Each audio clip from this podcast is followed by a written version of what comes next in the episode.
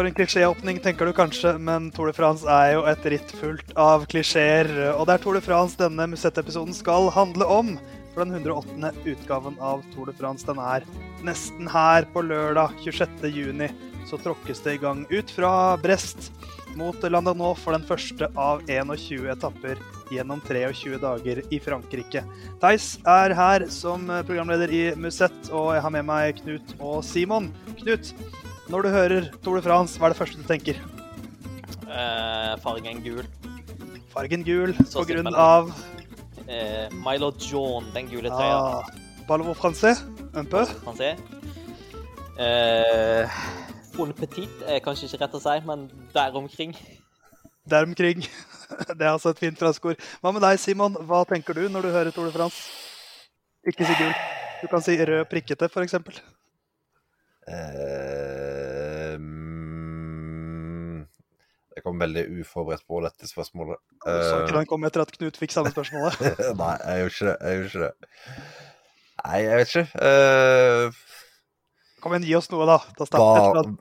et eller annet Nei, jeg kan vel si at uh, ja, det er jo mye knytta til, til barndommen og til uh, Tor Hushovd for min del, da. Uh, og Kurtas Lavesen òg, til en viss grad.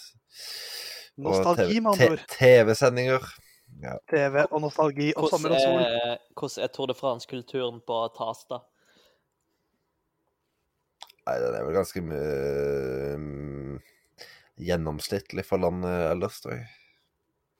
Så den er engasjert gjennom sommeren. Uh, vi skal eh, ta en liten gjennomgang av løypa. Vi skal snakke litt om hvilke nordmenn som skal sykle Toren, og vi skal selvfølgelig kanskje bruke mest tid på å vurdere favorittsjiktet i toppen i kampen om den gule trøya som Knut tenker på gjennom hele sommeren. Eh, Men vi kan begynne med løypa. Eh, Det begynner jo på lørdag fra Brest til Andernå, som sagt. 197 km med en eh, ganske pensjørvennlig etappe. Um, og så er det en ny punsjør-type etappe dagen etter. Og så kommer det litt lettere etapper før vi har en tempo allerede på den femte dagen. Jeg vet ikke helt hvor vi skal begynne. og Har dere Tour de France som helhet, hvordan skal vi vurdere årets utgave? Løypemessig. Ja, de skal sikkert i på. Eh, Ja, på den, eh, på den ah, 18. etappen start i på og går til Los Ardiden. Tasta. Hei da, hei da Gotto. jeg, jeg tror jeg har gjentatt til det kjedsommelige at det er overraskende mange flate etapper som er bare flate. Eh, Riktignok litt fare for vind, men altså det er, det er veldig mange eh, flate etapper som ser ut til å ende ut i ganske klassiske massespurter. Eh, så det er ikke så mange av de der halvharde Sagan-etappene eh, som en eh, kanskje har sett før. Du har disse to etappene i starten som eh, som eh, nok passer fint for eh, spesielt eh, van de Poel, van Ert. Sagan har jo vært eh, OK i sånne bakker før. Jeg har vel to topp ti-plasseringer fra Møde Britannia tidligere, i hvert fall. Eh, men eh, du kan si den, eh, de første seks stappene, så med mindre det blir eh, totalt kaos med nøye sidevind, så, så er det jo en åpning som ikke vil skille så ekstremt mye. Eh, det kan jo være noen sekunder her og der på de to første og den tempotappen er jo Det blir noen sekunder, men det, det blir ikke, det blir ikke flerfoldige minutter der. Og så kom vi inn, eh, inn mot Alpene. Eh, på vei mot Alpene sammen med denne syvende etappen på nesten 250 km. Litt sånn Liège-Poston-Liège-aktig mot slutten. Men om det blir brudd, eller om sammenlagtfavorittene begynner å prøve seg, det gjenstår jo det gjenstår å se. Og så er det inn i, inn i Alpene. Eh, den eh, åttende etappen er for så vidt ganske fin til Le Grand Bonan eh, over Col de la Rome og Col de la Colombier mot, mot slutten, før det er utfor til mål. En ganske fin kombo med bakker på 7-8 km og 8-9 i snitt. Og så er det jo opp til til Pasta Toby Tinn eh, på etappe ni. Riktignok fra en litt annen side av denne gangen, så det er ikke over i Serrano ned mot Val d'Isère og så opp til Tinn, men det er Men det er fra fra andre sida av, eh, av, dalen, egentlig, og så opp uh, Tinn. Det er jo det er jo en uh, stigning som er litt sånn uh, med, hvis jeg får lov til å si det sjøl. Uh, det, det, er ikke en sinnssykt bratt stigning, det er en ganske fin vei. Det bratteste selve siste kilometerne opp mot uh, Tinn, før det er flatt akkurat helt oppe på platået med, med, byen, da, men Den er lang, da. Ja, den er lang, så det er en det er en det er jo en, måte, en lang og seig dag men, uh, i fjellene, men jeg, jeg, tviler vel på at uh, der toren avgjøres, for å si det sånn. Uh, men for all del, Mikkel Rasmussen vant vel med et par minutter i Tini for et par år siden. Riktignok en utgave han ble kasta ut av noen etapper senere. uten å si for mye mer om, om det. og så er det jo inn mot eh, Pyreneen igjen, uh, via to ganger Mont Ventour, hvor siste gang kjøres holdt på å si fra, fra, fra båten. Det ble jo nok en uh, tøff etappe. Og så litt kult at det er utfor til mål, uh, som gjør at det forhåpentligvis blir litt angrep ganske tidlig. Og så nye flate etapper. ny sånn halvhard etappe på etappe 14, og så er vi inne i Pyreneene. Eh, da er vi jo inne i eh, Andorra på den 15. Eh, etappen, hvor det er det er sånn halvtøft. Det er tøft. Det er opp, helt opp på 2400 meter høydemeter, men, men det er ikke sånn sinnssyke stigninger. og de på en måte tøffeste etappene i fjellene kommer jo på etappe 17 og 18, hvor det er toppfinisher til, til Col du Porté og, og Lus Adiden, hvor nordmenn har gode minner etc., etc. Og så ja, blir jo sammendraget satt på denne flate tempoetappen på etappe 20.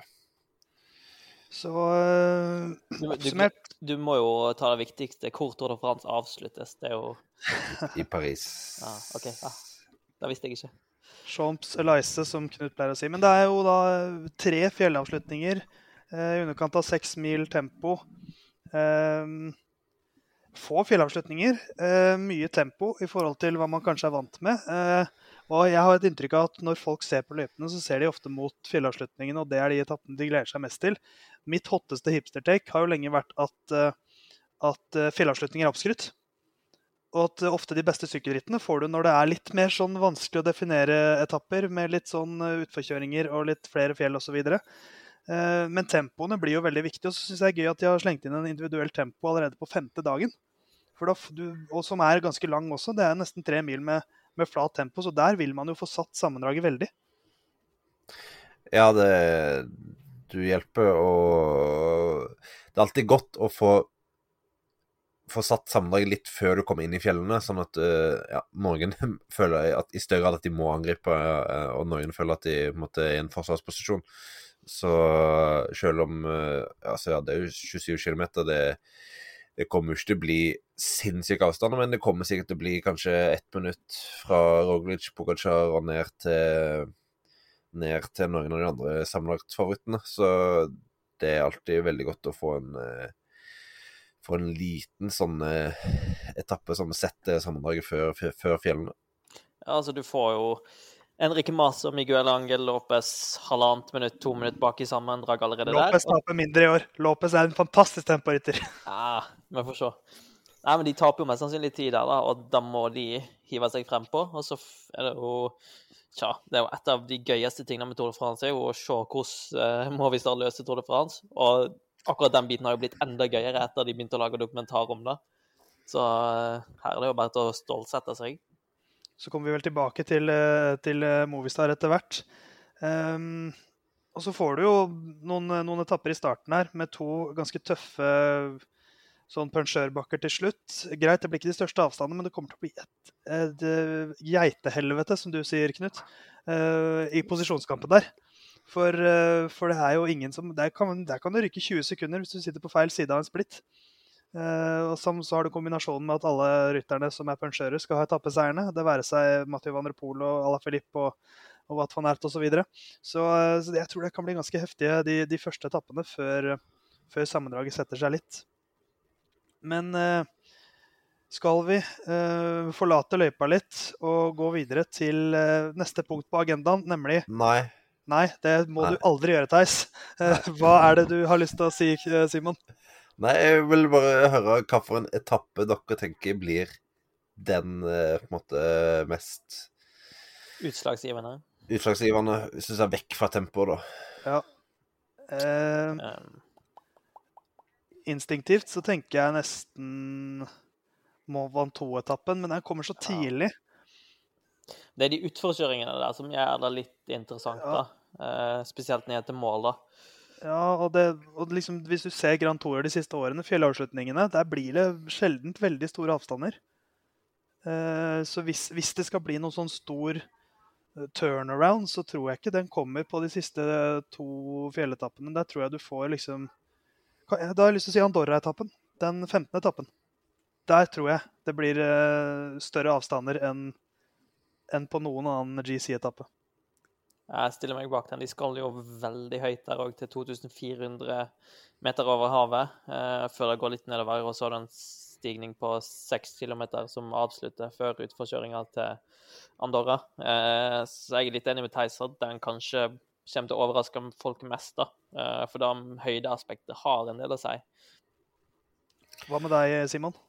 Nei, jeg syns dere har et godt poeng med den etappen, for uh, som jeg sa når jeg raska meg gjennom løpet, altså det er ikke nødvendigvis de sinns, mest sinnssyke stigningene på den etappen, men det er kanskje den etappen som i størst grad innbyr til et eh, litt sånn halvtidlig, vågalt eh, angrep som kan sette fyr på på etappen. For de andre fjelletappene så er jo Det er litt uh, Av denne etappen til Tini er det jo litt stigning på, på tidlig. Uh, men ellers så, så, så skal du ganske langt ut på etappene før du på en måte begynner å stige skikkelig.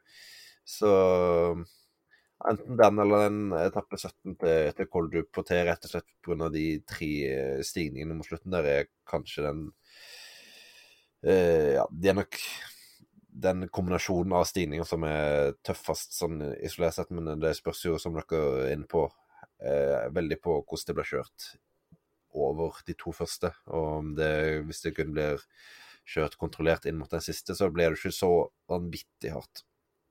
Vi kan i hvert fall garantere Marc Soler i brudd på den andre Andorra-etappen. Ehm, Men da bestemmer jeg at vi går videre til eh, neste punkt. Hva med de norske, da? Eh, tre nordmenn på startstreken. Amund Grøndal Jansen, Vegard Stake Langen og Edvald Boasson Hagen. Edvald sin ellevte start i Tour de France. Han tangerer Tor Husodd, den med flest starter i, i Tour de France av de norske. Eh, ingen Alexander Kristoff, eh, som kanskje ikke er en kjempeoverraskelse, men eh, tre ryttere hvor i hvert fall to av dem virker å være ganske dedikerte hjelperyttere. Um, hva kan vi forvente av våre tre nordmenn? Vi kan begynne med Vegard Stake Laingen. Hmm. Skal vi skal oppsummere det med ett ord, eller? Arbeidshest? Jeg tror ikke det er så mye mer å si. Altså, han, kommer til å, han kommer til å få samme rollen som han fikk i fjor. Passe på Pogacar. Eh, være støtte på de vindutsatte etappene. Taue feltet når det trengs. Hente flasker. Ja. Han har, han har en, kanskje den mest konkrete oppgaven i hele Tour de France, tipper jeg. Ja, det er nok eh, rett og slett å være en grovarbeider. En, eh, en eh, grunnmur i eh, Pogacars eh, hus, holdt jeg på å si, i, eh, i forsøket på å vinne Tour de France igjen. Kommer til å være Eller kanskje mer en levegg for uteterrassen til Bære bjelka. Nei, men, men han jo, blir nok sannsynligvis veldig viktig i det laget, som, eh, som i stor grad består av um, veldig sterke ryttere som nesten aldri har kjørt hjelperyttere før. Um, så, har du, du Vegard Stake Langen og Mikkel Bjerg som, som uh, drivkraftene på, uh, på flatene. Uh, Amund Grøndal Jansen han skal sykle sin første Tour de France for Team Bike Exchange. Har jo syklet tre ganger tidligere, men første gang for sitt nye lag. Eh, et lag som kommer med Simon Yates, Esteban Chávez, Michael Matthews og Lucas Hamilton som uttalte kapteiner. Eh, Matt White og omtaler jo ofte grovarbeiderne på flatene som the engine room, og det er jo der Amund Gunnar Jansen er plassert denne gangen. Eh, viktig ressurs både for Matthews og for klatrerne, kanskje?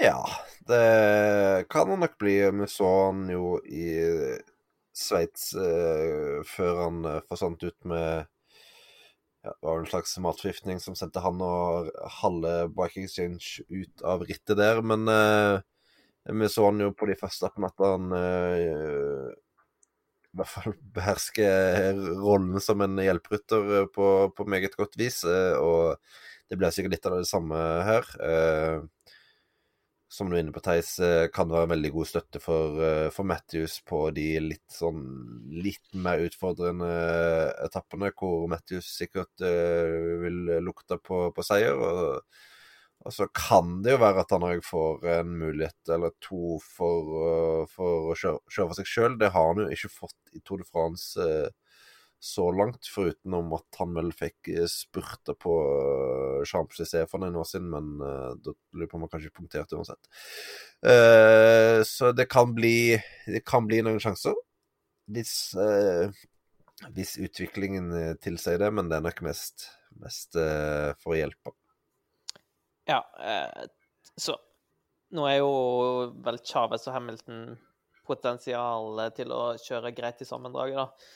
Eh, når det begrenser hvor mye Amund kan hjelpe de i de største fjellene, da. Men uh, Bike Exchange er jo historisk sett veldig ute etter etappeseire og tar de sjansene de får. Uh, jeg tror jeg tidligere har sagt bare mellom oss at Amund fort kan være en sånn Daryl Impy-rolle, som kjører sterkt som hjelperytter, og så får han sjanser på de klassiske bruddetappene. Uh, da tipper jeg er ganske, ganske realistisk. Og Amund er nok veldig innstilt på å skaffe egne resultater òg, etter at våren hans gikk rett i dass. Så jeg tror vi kommer til å få se han litt på offensiven òg, som Simon er inne på.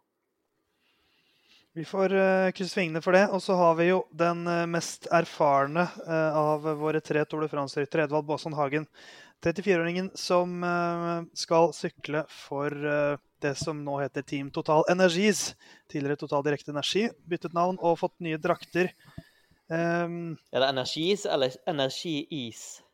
Og humor. Det er bare å få i gang samarbeid mellom Henrik Olsen og Monster, så får vi nok en energiis på markedet etter hvert. Uh, en, en, ting som er sikkert, er at Knut ikke trenger mer energi, for det er alltid overtenning. Eh, men Total Energi-is kommer med Pierre Latour, eh, bl.a. Anthony Turgi, Edvald Baason Hagen. Det er jo tre av toppene, i hvert fall de større navnene i laget deres. Eh, hva tror dere blir Edvalds rolle? Du kødda jo litt på internchatten vår i går, Theis, med at uh, Antoni Torgis kommer til å bli Norges fiende i løpet av de tre neste ukene. Uh, ja, det, jeg ser jo for meg at uh, det kommer til å bli ramaskrik når Edvald må være hjelperytter kanskje av og til for en uh, en 27-åring fra Frankrike. Som aldri har vunnet i Tor-sammenheng før, men som har vært bedre enn Edvald i år.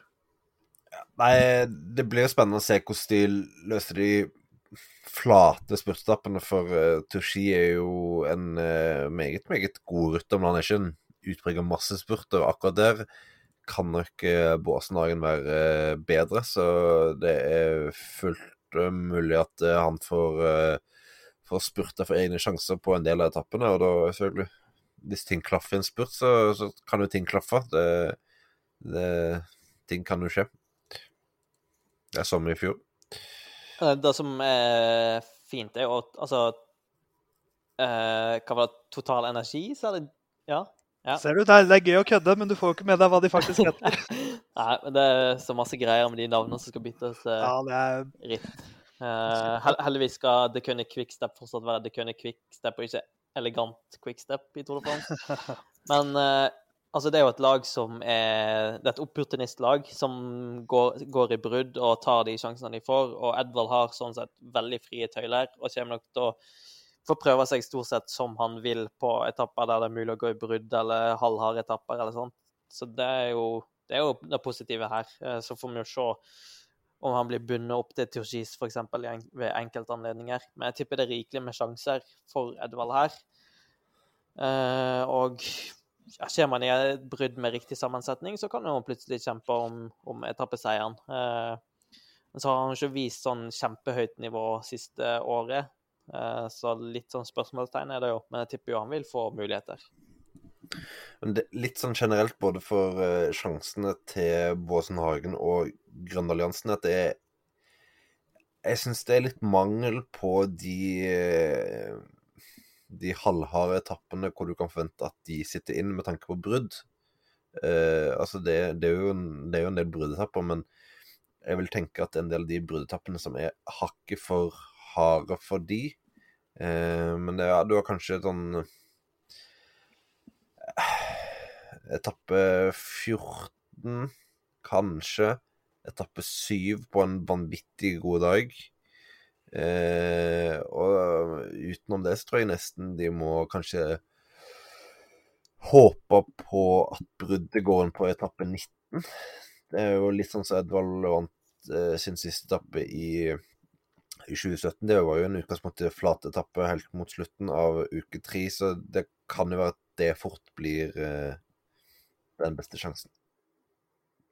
Det er jo én mulig at det kommer veldig an på hvordan dynamikken i rittet blir, og hvem som får etappeseier av Norge og sånt. Men det kan jo godt være at et par-tre av de flate etappene òg blir bruddetapper, rett og slett. Fordi rittet utvikler seg sånn. Ja, ja, absolutt. Så hvis eh, Caleb Yoon vinner de fire første spurtetappene, så kan det jo være at, uh, at ting, ting endrer seg litt. Men eh, vi får se hva våre tre norske venner får til.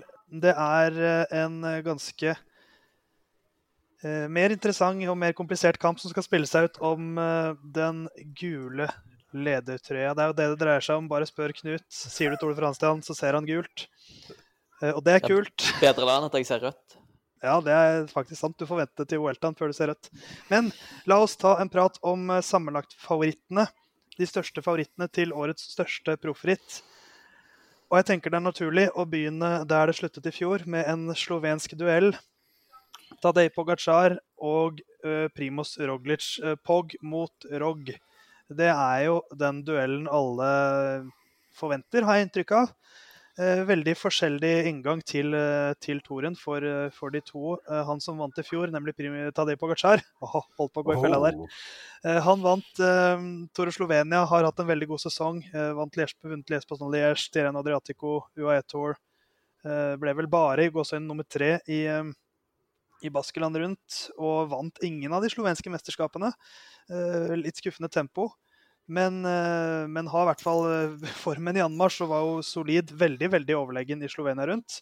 Mens Primoz Roglic har ikke syklet siden Liège Paston Liège. Han har valgt uh, trening som inngangen til, uh, til, Tour de France. Vi, jeg vet ikke helt hvor jeg skal begynne. Hvem, hvem har vi mest troa på?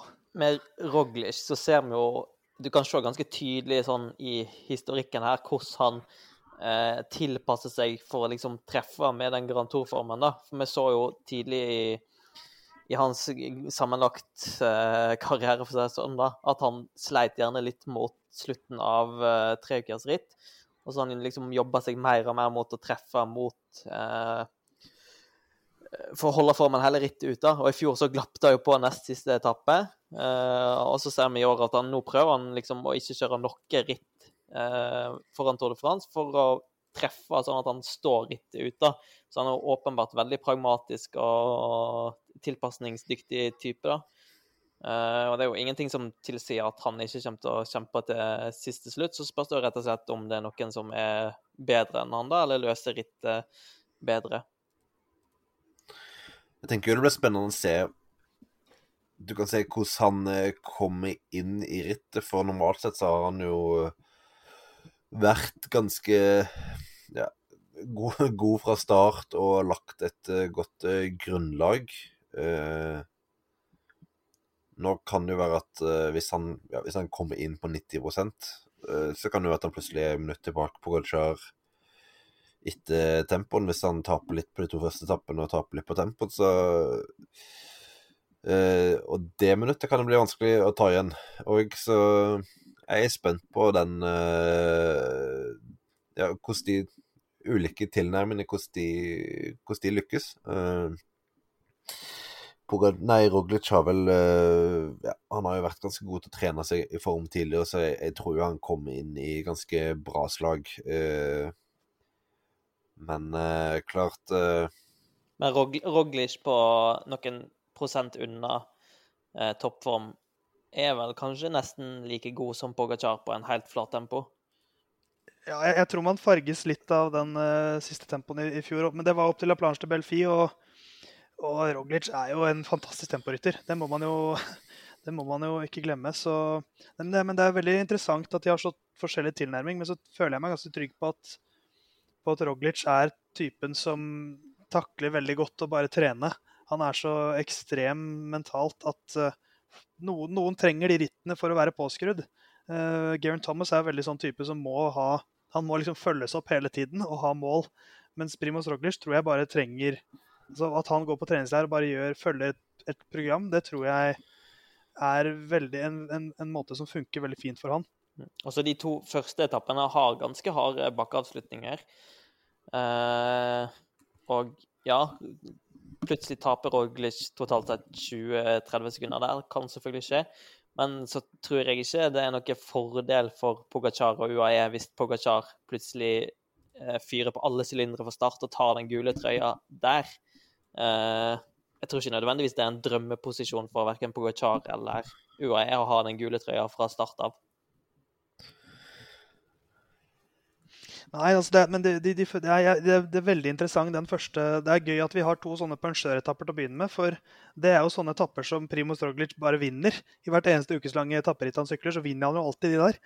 Uh, så jeg er litt spent på, på om, om, vi får en sånn uh, Om han vil unngå den Simon Yates Giro 2018-approachen, hvor man bare skal ta tid overalt, og du skal vinne alt, og du skal bare de full pupp helt fra start.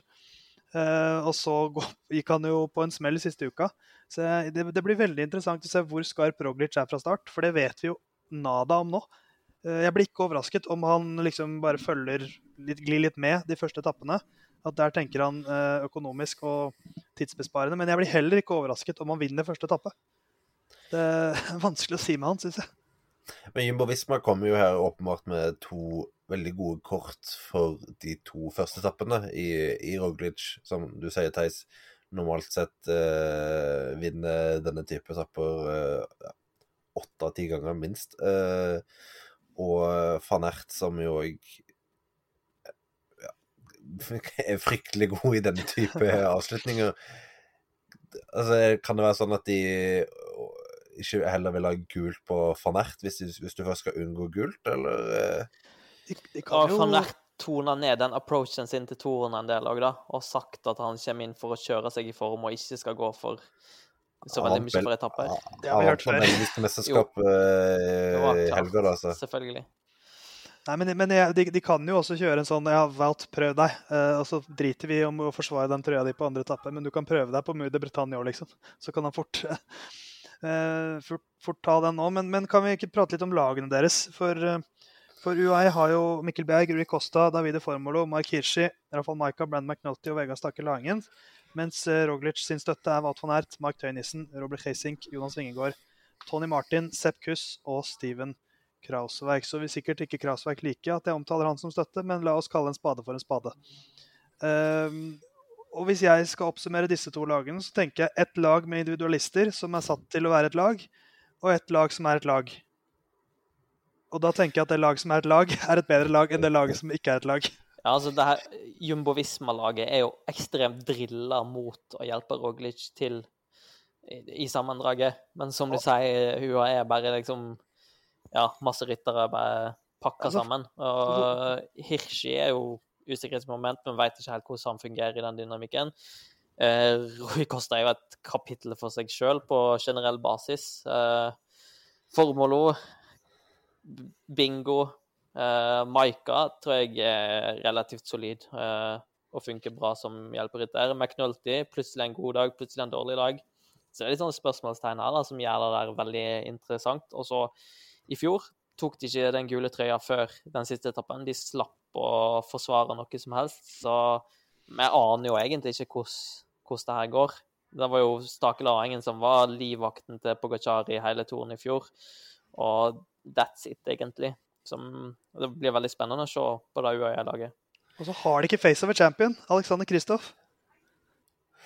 Nei, det gjør ikke det. Eh, og som du er inne på, Knut, så, så tok de gulltrøya seint i fjor. Eh, og eh, hvis vi ser på en måte på på laget han hadde rundt seg da, i, i, fjellene på slutten, så var det jo egentlig Jan eh, Polans og, og David de la Cruz som, eh, som eh, støtta han eh, først og fremst i, i fjellene. Eh, begge to er jo ikke med i år. Litt overraskende spesielt at eh, godeste landsmann Jan ikke er med, spesielt litt at han var veldig god i slovenske mesterskapet. men han skal visstnok kjøre Vueltaen med litt friere tøyler. Eh, og Pogacar var litt skuffa over over at uh, Polans ikke var med. Eh, og ja, du får Maika, som ikke har sett en super ut i år, inn. McNulty, som har sett bra ut i år, men ja Ikke litt uprøvd i Tour de France-sammenheng. Formolo som har en tendens til å feida litt mot slutten av treukersritt. Og ja eh, På papiret mye sterke ryttere, men eh, Men satt under press, så vet jeg ikke om det er et lag som eh, kommer til å være vanvittig sterke. Nei, det Vi får eh, Det blir eh, fascinerende å se to så ulike approacher både på kapteinene og på lagsammensetningen. Jumbo Visma er et lag der det er mye mer tydelig definerte roller, og jeg tror alle vet hva de skal gjøre de, siste, de neste tre ukene. Det, det, har jeg ikke inntrykk av at Vet Mark Hirschi helt tydelig hva han skal de neste tre ukene, f.eks.? Ja, det er veldig vanskelig å si. Og generelt så vil jeg si kvaliteten på Jumbo Visma er, er bedre òg. Kralsveik er veldig stabil, ekstremt sterk. Kuss kan ha noen off-dager, men han er ekstremt sterk når han er på sitt beste. Vingegård òg formidabel klatrer. Så har liksom Det er litt det samme som jeg har sett med inni oss eh, tidligere, at de har veldig mange gode klatrere. Så de kan liksom koste på seg at en av de har en dårlig dag, eller at en av de tar det litt rolig en dag. Eh, og generelt er jo da laget ekstremt sterkt. Sterkt er jo det laget til Ineos, men hvem blir kaptein? Ja, for det var dit jeg tenkte vi skulle gå nå. Eh, for da har vi gått innom to lag med kanskje de to største favorittene. Og så har vi to lag som har litt, eh, litt mer um, åpen kapteinsløsning. Vi kan begynne med inni oss. Richard Carapaz, tidligere Giro-vinner. Theo Gegen Hart, fjorårets Giro-vinner. Richie Port, som vant Criterium de Dauphiné. Og Geraint Thomas, tidligere Tour de France-vinner. Tredjemann fra Criterium de Dauphiné, vant Tour de Romandie tidligere år og har hatt en veldig god sesong. Fire mulige kapteiner. Men skal vi si hvis jeg, hvis, jeg, hvis, jeg, hvis jeg, rangerer dem Geran Thomas, Carapaz, Port, Theo Gegen Hart ja. Selv, og, da, og, da, snakker jeg ikke om hvem som er sterkest, men hvem som jeg tror akkurat nå er først i kapteinskabalen. Er dere uenige? Nei. Knut tier, han, han tier, så da samtykker han? Tenk, tenker jo at det er et naturlig utgangspunkt. Nå hørte jeg på Sykkelpodden i dag, og der sa Magnus Orre at han hadde snakka med Gabba, og Gabba sa at det var delt kapteinsansvar. Så mulig det er bare noe utad, da. Eh, ja.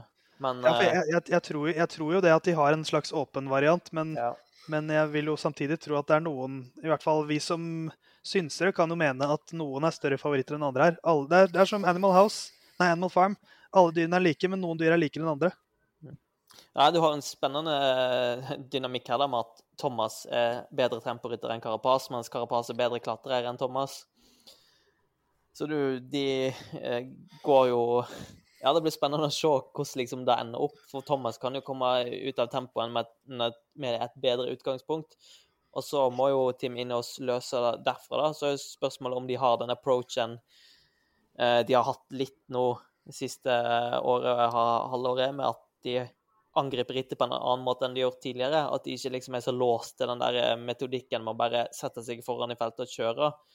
For spørsmålet er jo hvis Thomas tar gultrøya etter tempoen, f.eks., om de da låser seg fullstendig til det, eller om de skal spille ut kortene sine med Carapaz og Port og legge press på de andre. Ja, altså, de har jo et fantastisk spennende utgangspunkt, egentlig. For hvis du klarer å ha ja, i hvert fall de tre, og kanskje Georgen Hart, med i sammendraget inn i fjellet, så, så, kan du spille ut ryttere som som en måte hver for seg er nesten like gode som uh, eller bedre som, som den beste hjelperen til de andre lagene. Uh, og de kan, hvis de vil, bestemme seg for å lage totalt fyrverkeri og at det blir totalt anarki på, på, de, på fjelletappene. Eh, og litt som du er inne på, de er litt De er i mye større grad i den posisjonen nå enn de var for noen år siden, hvor de kom med den store favoritten. Nå kommer de med nå kommer de med noen outsidere. Det, alt fokuset er egentlig på, på Slovenia, Eh, på Pogacar og på Roglic. Eh, så hvis de velger en eh, offensiv tilnærming, så, så, kan de på mange måter spille seg eh, til en veldig god seiersmulighet. Jeg tror X-faktoren her er Carapaz. At han Altså, han er ikke oppfostra der inne hos uh, tankegangen. Uh, han er litt mer sånn sykle på instinkter og følelse. Uh, og så tror jeg Jeg mistenker litt at frykten eller risikoen for å tape med å spille sånn er så stor inni oss at de ikke tør å spille det ut sånn, at de går for det safe. Fordi det er så viktig for de å vinne Tour de France. Og det står så mye på spill med tanke på penger og liksom viktigheten av å vinne. Uh, men samtidig så kan det jo være de ikke har noe annet valg enn å angripe det på den måten. da. Nei, det, det, jo, det, det, er på en måte deres mulighet nå til å sprette litt tilbake etter en fjorårsutgave der, eh, der de jo ikke hadde noen uh, sammenlagt noen rytter på topp ti engang. Så har det jo vært et Ineos-dominert ritt det siste tiåret, med unntak av Nibali-utgaven, da det også ble, ble velt som, som, skilte dem. Så, så, det står en del på spill. og så, jeg, og så tror jeg samtidig at den kapteinsvarianten deres nå spiller ganske godt sammen. Richie Port vant jo kriteriene de Dauphiné, var råsterk der, men sa veldig tydelig at nei, jeg, jeg har ikke noen illusjoner. Jeg vet jeg kommer til Toren som hjelperytter. Eh, jeg tror også det passer han best, selv om jeg tipper de kommer til å beholde han så høyt oppe i sammendraget de klarer. Eh, for plutselig sitter han der eh, som, som den som klatrer fra Garen Thomas. Og så tror jeg Theo Gegen Hart han har hatt litt trøblete oppladning. Jeg tror, han, jeg tror ikke han kommer inn og tenker på seg selv som en veldig realistisk vinnerkandidat. Ehm, så det gjør den kabalen litt enklere og litt mindre konfliktfylt, kanskje.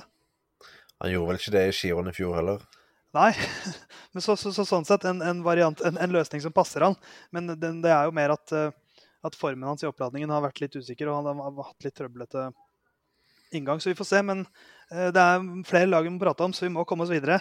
Og jeg tenkte vi kan fortsette med, med Movistar, uh, som har vært Eh, til tider en parodi eh, de siste årene, med mye konflikt, mye usikkerhet, mye prat om masse forskjellige kapteiner. Eh, men jeg syns i hvert fall det ser ut som om ting har løsnet litt nå. At det er litt bedre stemning. Men så har de fått inn en Supermann fra Colombia som kanskje kan endre litt på tingene igjen. Men de kommer med Enrik Mas og Miguel Ángel Lopez som sine to sammenlagt kort, får vi tro. Så har de Alejandro Valverde og Marc Soler også, som du aldri vet hva du får helt av. Men eh, Henrik Maas han har begynt å bli en ganske jevn eh, Grand Tour-rytter. I, I, fjor var han nummer fem i både Vueltaen og i Tour de France. Eh, Lopez har, eh, hadde jo en kjempesesong for noen år siden da han ble nummer tre i både eh, Giron og i Vueltaen. Eh, har også aldri fullført en Grand Tour uten å være på topp ti. Så de har to veldig stabile Grand Tour-ryttere her. Men er noen av dem gode nok til å kjempe om seieren? Du mener jo Lopez har fått en uh, renessanse på tempo, da, Theis? Det... ja, jeg mener jo det. Men, men jeg, og, og når, da er det viktig å på en måte definere renessansen som at istedenfor å tape tre minutter, så taper han kanskje halvannet. Ja. Uh, og det er jo det som har vært utfordringen hans. At han er jo en av verdens beste klatrere når han er i form. Men så enten så driter han seg ut på en eller annen tidlig etappe, kombinert med masse tidstap på tempo. Hvis han klarer å halvere tidstap på tempo, så er han plutselig oppi der. Hvis altså, han er i form.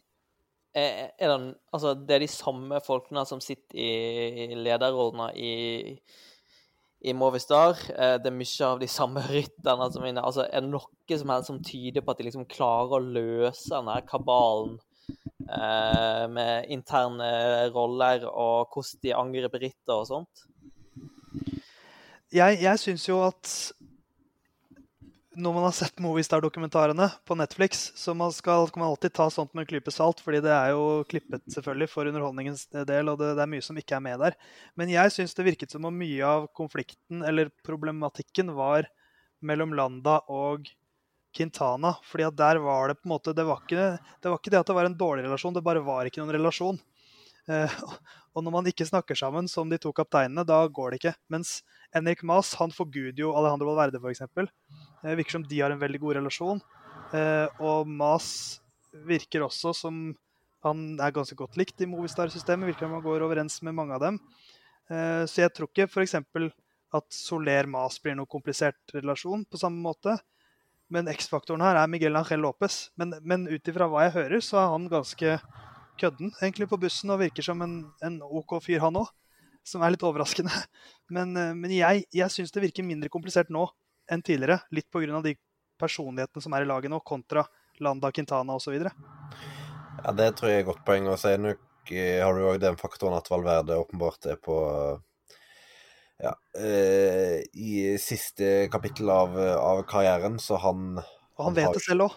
Ja, han, han, vet det sjøl godt. Uh, han kjører ikke for en for en uh, topp top tre-plassering lenger. Uh, mulig han klarer å kare seg til en topp ti hvis han er heldig, men uh,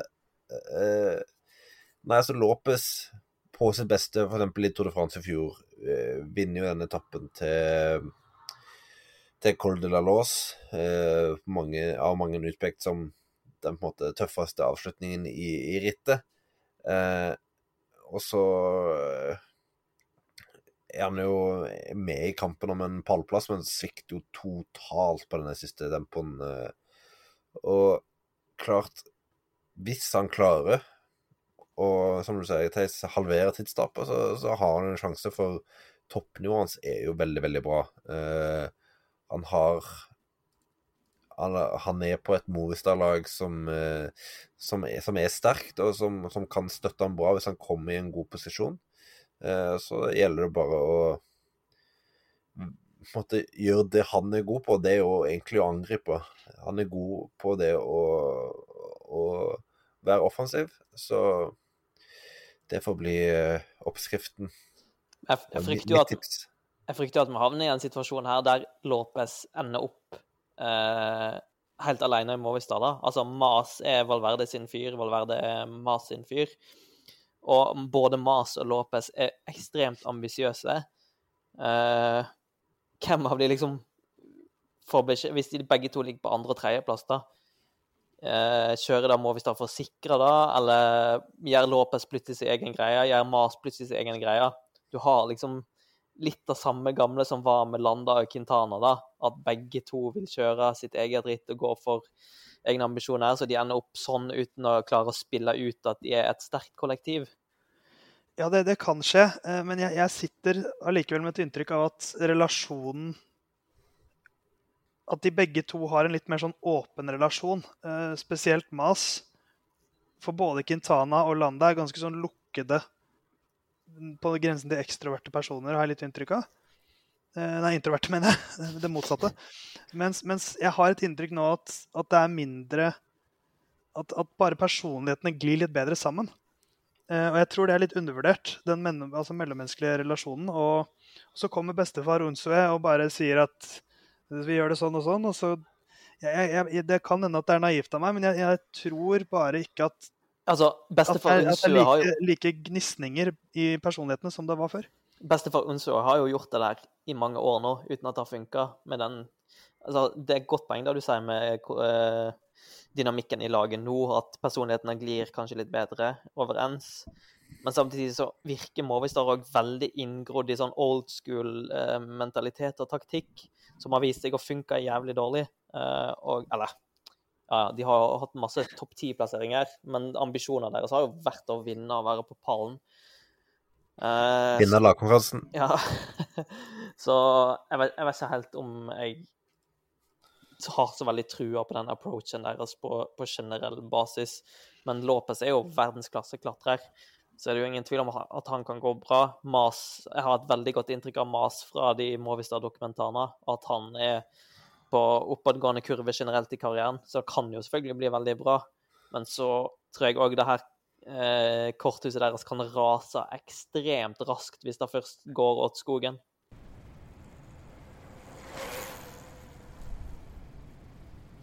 Hei! Adrian og Stien i Bioracer Norge her. Vi i Bioracer vet at det er mange av Musets lyttere som også liker å sykle. Og da bør du høre etter nå. Vi i Bioracer leverer tøy til profflaget UnoX samt mange klubber og bedrifter rundt omkring i Norge. Men nå har vi også lansert en helt ny webshop der du kan handle lagervarer direkte av oss. Nettbutikken heter bioracernorge.no, og med rabattkoden MUSETT så får du nå 15% på hele butikken. Kos deg på sykkeltur i sommer med klær fra BioRacer.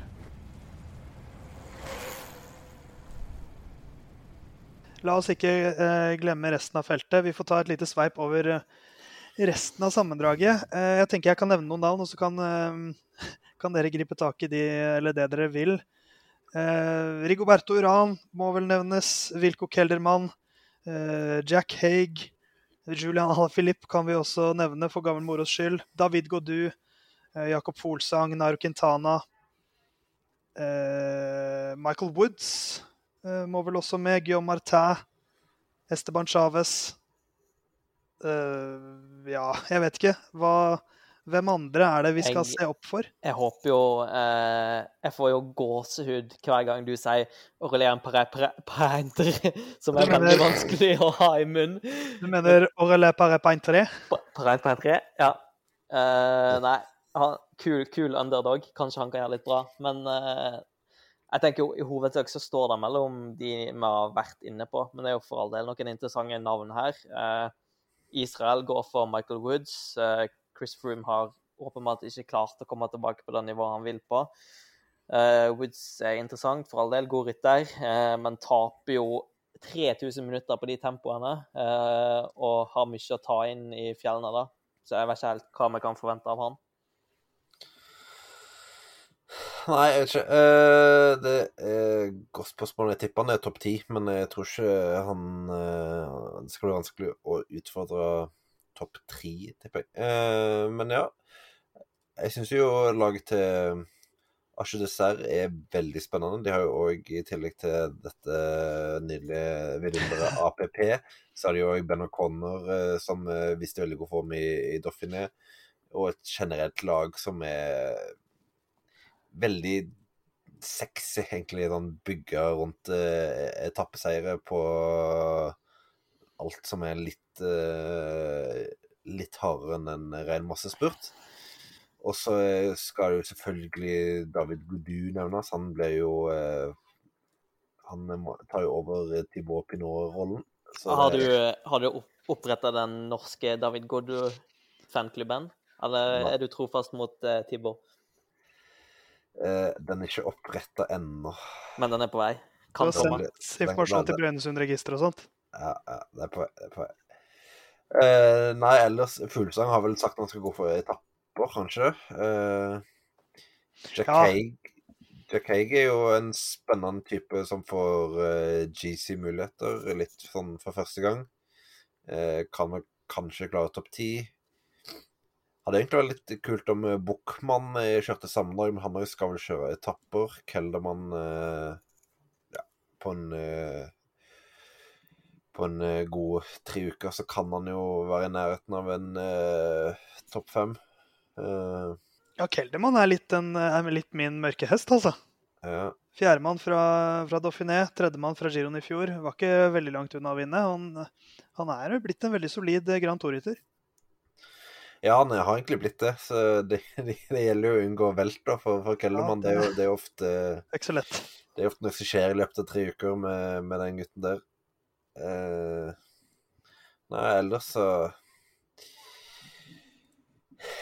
Ellers så er det jo Jeg syns jo rittet er veldig sentrert rundt de på en måte fire lagene vi har snakket om i, i første grad.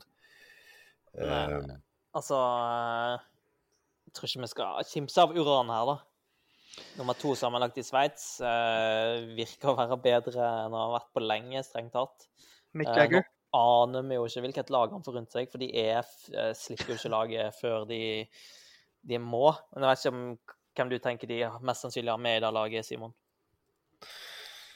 Eh, nei, jeg vil kanskje får få kanskje støtte av Sergio Higita. Eh, Valgren og Kort har vel begge sagt at de skal der, tror jeg. Kan Eh, kanskje? ja, eh, så han får jo EF pleier jo alltid å stille med relativt eh, solide lag.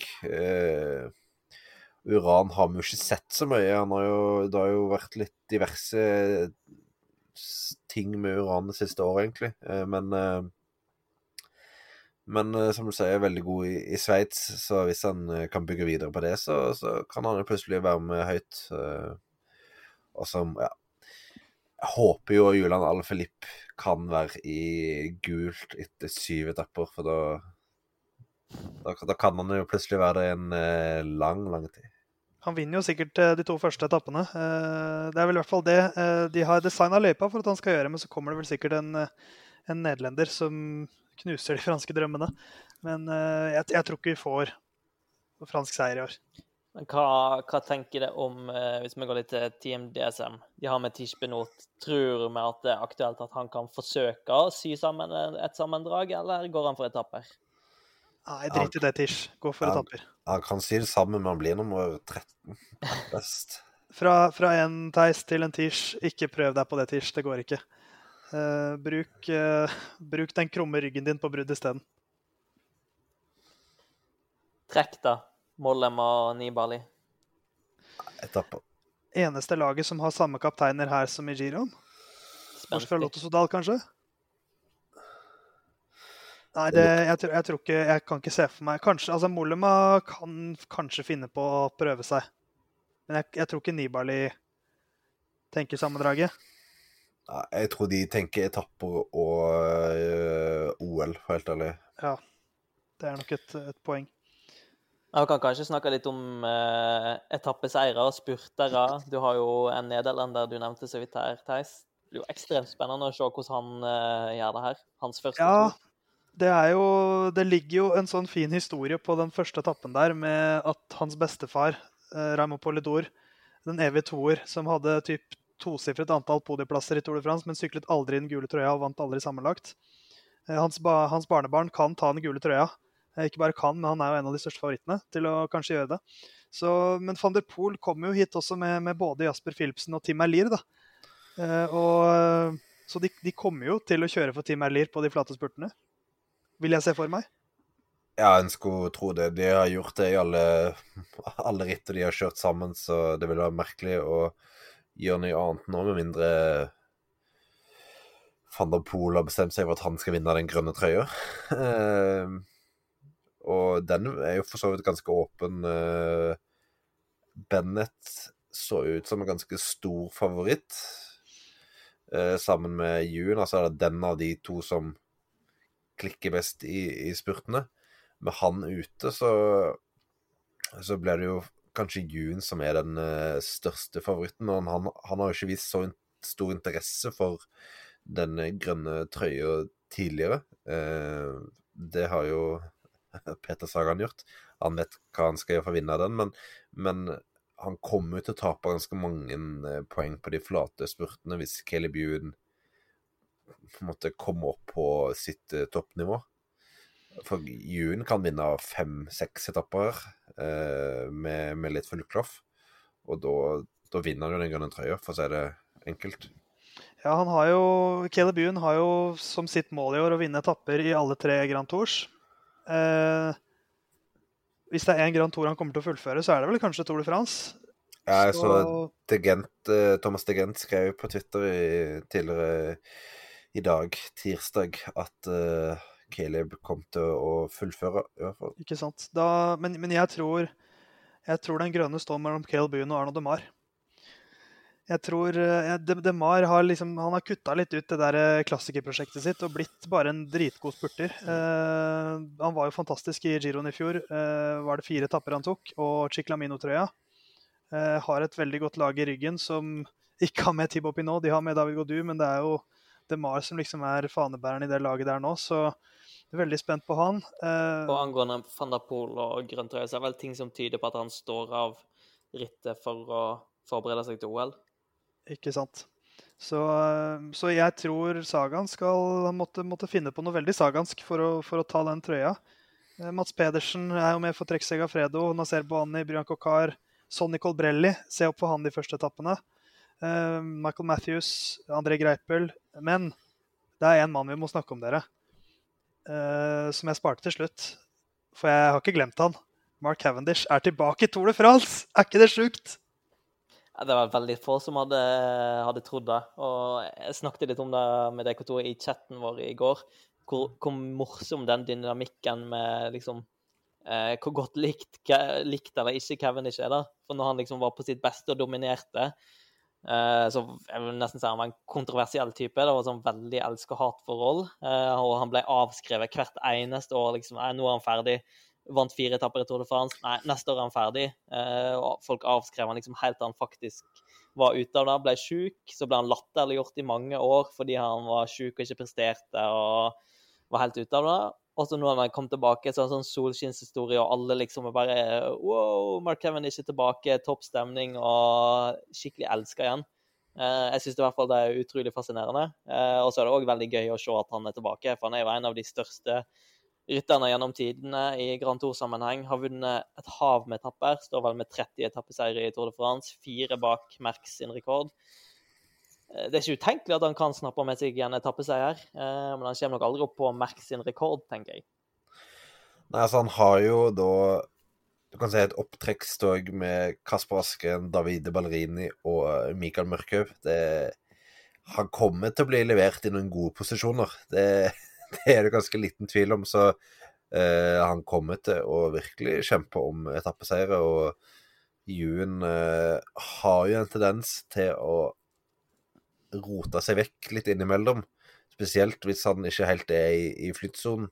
Så ja, spesielt på de første etappene så, så tror jeg Cavendish kan, eh, kan klinke til, faktisk. Ja, for det er har vært nettopp sett det. sånn historisk sett at hvis UN bommer på den første etappen, så tar det litt tid før han kommer inn i det.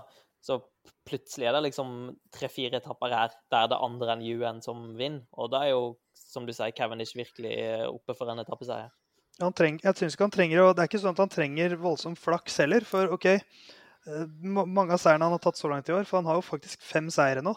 Eh, Og de første var kanskje ikke mot den aller beste motstanden, men han vinner siste etappen i Belgia rundt mot eh, et veldig, veldig veldig godt spurtfelt med, med Tim Erlier på andreplass. Så har han sånn herlig I seiersintervjuet der så balanserer han på sånn fin line mellom eh, ydmykhet og snikskryt. For han sier selv jeg kan vinne med Mikael Mørkhaug som opptrekker. Og så følger han opp med å si eh, tidligere i uka her så sa jeg til Tim Erlier at nå er du verdens beste spurter.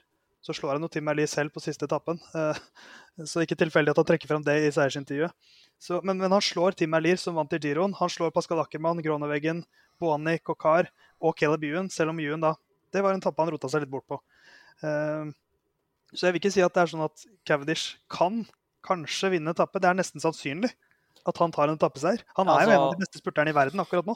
Du nevner jo da med nivået på motstanderen der han har sykla. Altså, I Tour of, Tour, Tour of Turkey så var ikke det generelle nivået veldig høyt, men måten han vant bare den første etappen på, der han slo Philipsen, en lynrask Philipsen som vant Schelde Prize eh, rett før eh, Måten han hentette den luka og vant, eh, var jo utrolig overbevisende på. Han hadde åpenbart veldig høy toppfart i Tour of Turkey, eh, så han, han er en god spurter igjen, en veldig god spurter. Men en annen eh, vi ikke har snakka om eh, så veldig mye i kampen om den grønne trøya, er jo òg Wout van Ert. Altså hvis han får klarsignal til å gå for den, så, så kan jo han òg eh, virkelig blande seg inn der. Men der tenker jeg at eh, OL-tempoen og OL-rittet liksom vipper vippepinn her, da. For hvis han skal stå i det hele toren med grønn trøyejakt og hjelperytter som eh, for Roglic, så blir det en ekstremt stor belastning inn mot OL, da. Så jeg tenker jo det er kanskje det som avgjør eller heller mot at han ikke går for den grønne trøya, og heller bare prøver seg på enkeltetapper.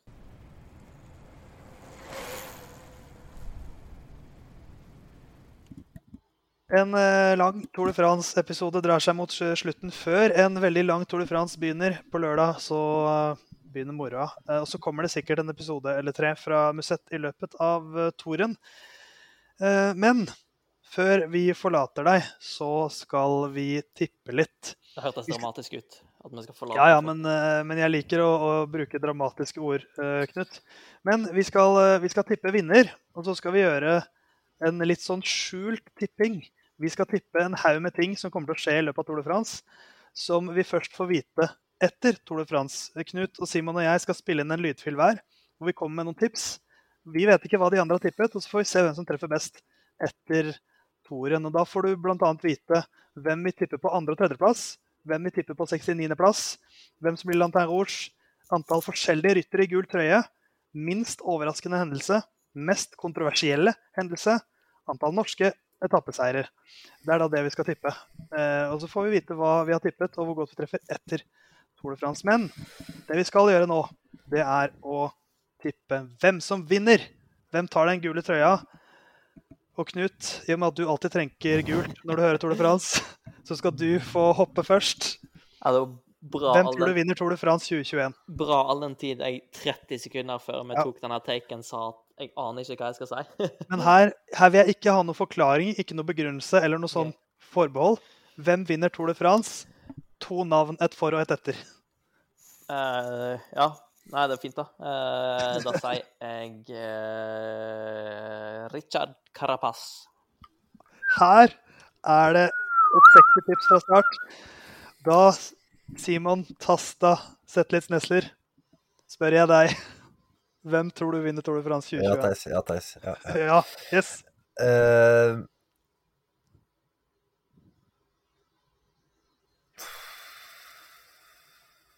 ta deg, Pogacar. Oi, oi, oi. Og da kan jeg være rå og si at jeg har endret uh, mitt tips, men jeg har ikke det.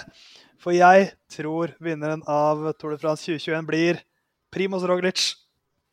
Tenk det at vi har landet på tre forskjellige. Altså du, Folk kommer aldri i verden til å kjøpe at det her ikke er manusbasert.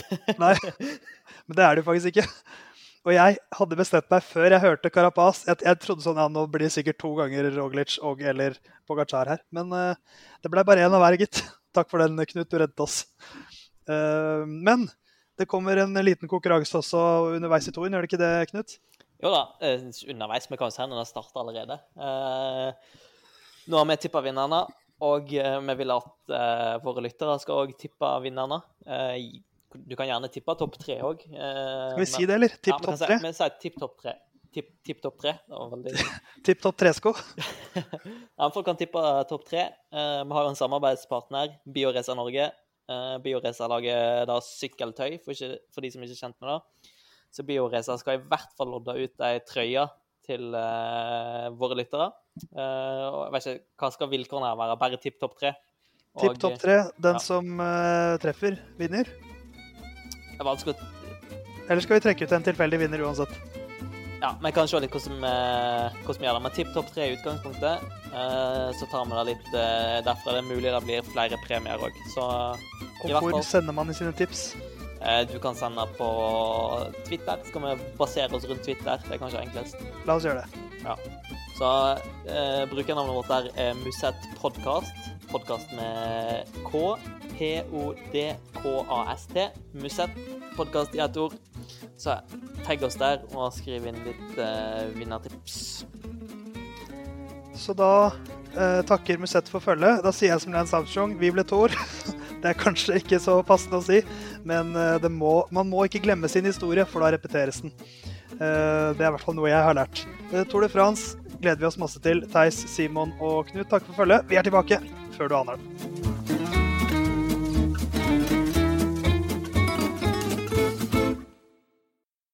Jeg heter Knut.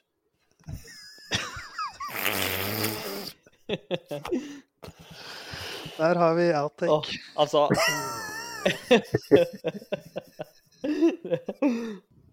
Gutta klare? Gutta klare. Gutta backer.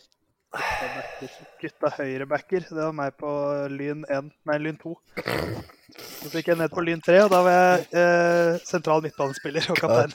Hva skjedde nå? Nå måtte jeg spytte ut i en kaffe igjen, jeg får ikke sette den i halsen.